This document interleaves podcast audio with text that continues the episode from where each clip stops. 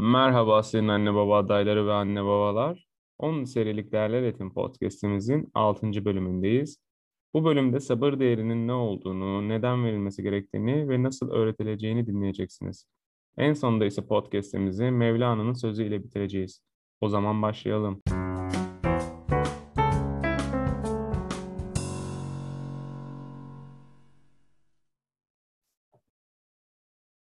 Sabır değeri nedir?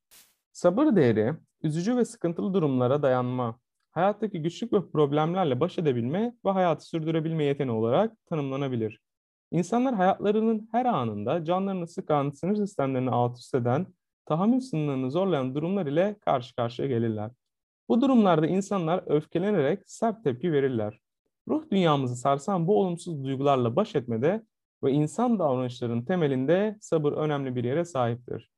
Bu durumlar hepimizin yaşayabileceği sağlıksal, ailesel, ilişkisel ya da maddiyat üzerine sıkıntılar olabilir. Bu sıkıntılarda içimizde bir öfke oluşur. Fakat sabırlı insan uzun süreli gecikmelere ve tahriflere rağmen öfkeye kapılmaz, moralini bozmadan yoluna devam eder veya beklemesini sürdürür. Aslında sabretme süreci bir sessizlik, bir güçsüzlük olarak algılansa da öfkeyi kontrol etmek ve sessiz kalmak bazı noktalarda cevap vermekten çok daha işlevseldir. Ayrıca sabırlı insanlarda daha az stres, düşük depresyon, daha az sağlık problemleri ve artan yaşam doyumu görülmüştür. Sabır değerini anladık diye düşünüyorum. Peki sabır değeri verilmezse ne olur kısmını zıt kutuplar ile anlatacağım. Sabır değerinin zıt kutbu öfkedir.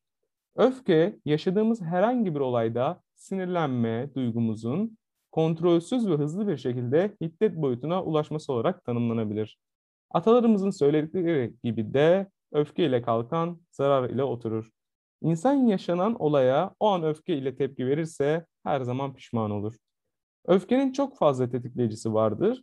Eğer öfkemizi kontrol edemezsek toplumda sıkıntılara yol açarız. Öfkeli insanlar trafikte insanlara büyük sorunlar çıkartır. Bağırır, çağırır, korna çalarlar. Eğer trafikte herhangi bir kişi öfkeli insana tepki gösterir ise bu sefer ortalık daha da karışır.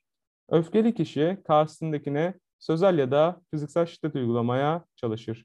Bunun sonucunda ne yazık ki insanlar yarar, yararlanabiliyorlar ya da ölebiliyorlar. Öfkeli insanlar iş ve eğitim hayatında insanlara sorun çıkarır. Çalışan insanlar herhangi bir başarısızlık veya yanlışlık gösterirlerse patronları ya da öğretmenleri o kişilere bağırırlar ya da sözlü olarak aşağılarlar. Hatta belki daha kötüsü fiziksel şiddet uygularlar. İş hayatında belki fiziksel şiddet fazla gözükmez ama lise, ortaokul, ilkokul gibi dönemlerde öğretmenleri tarafından şiddet gören öğrenciler ne yazık ki var. Öfkeli insanlarda aile içerisinde sürekli kavga olur. Ne ebeveynler çocuğuna kızıp kalbini kırmaktan çekinir ne de çocuklar anne ve babalarını kalplerini kırmaktan çekinirler.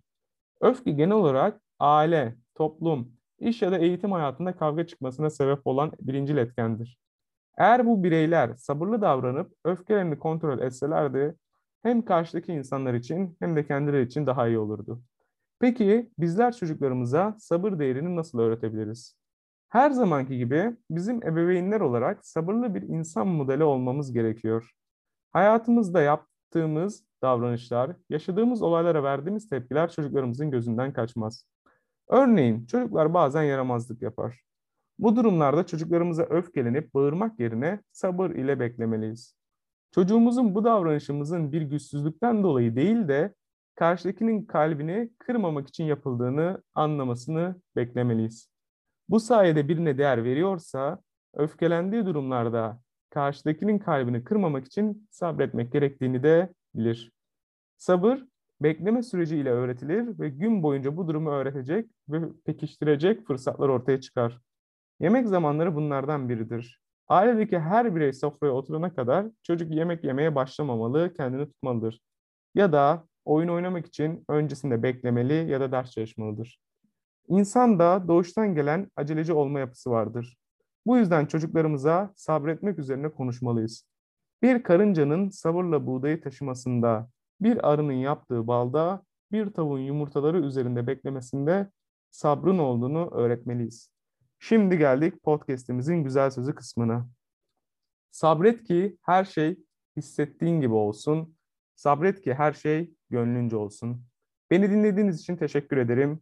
Bir dahaki podcast'imizde görüşmek üzere.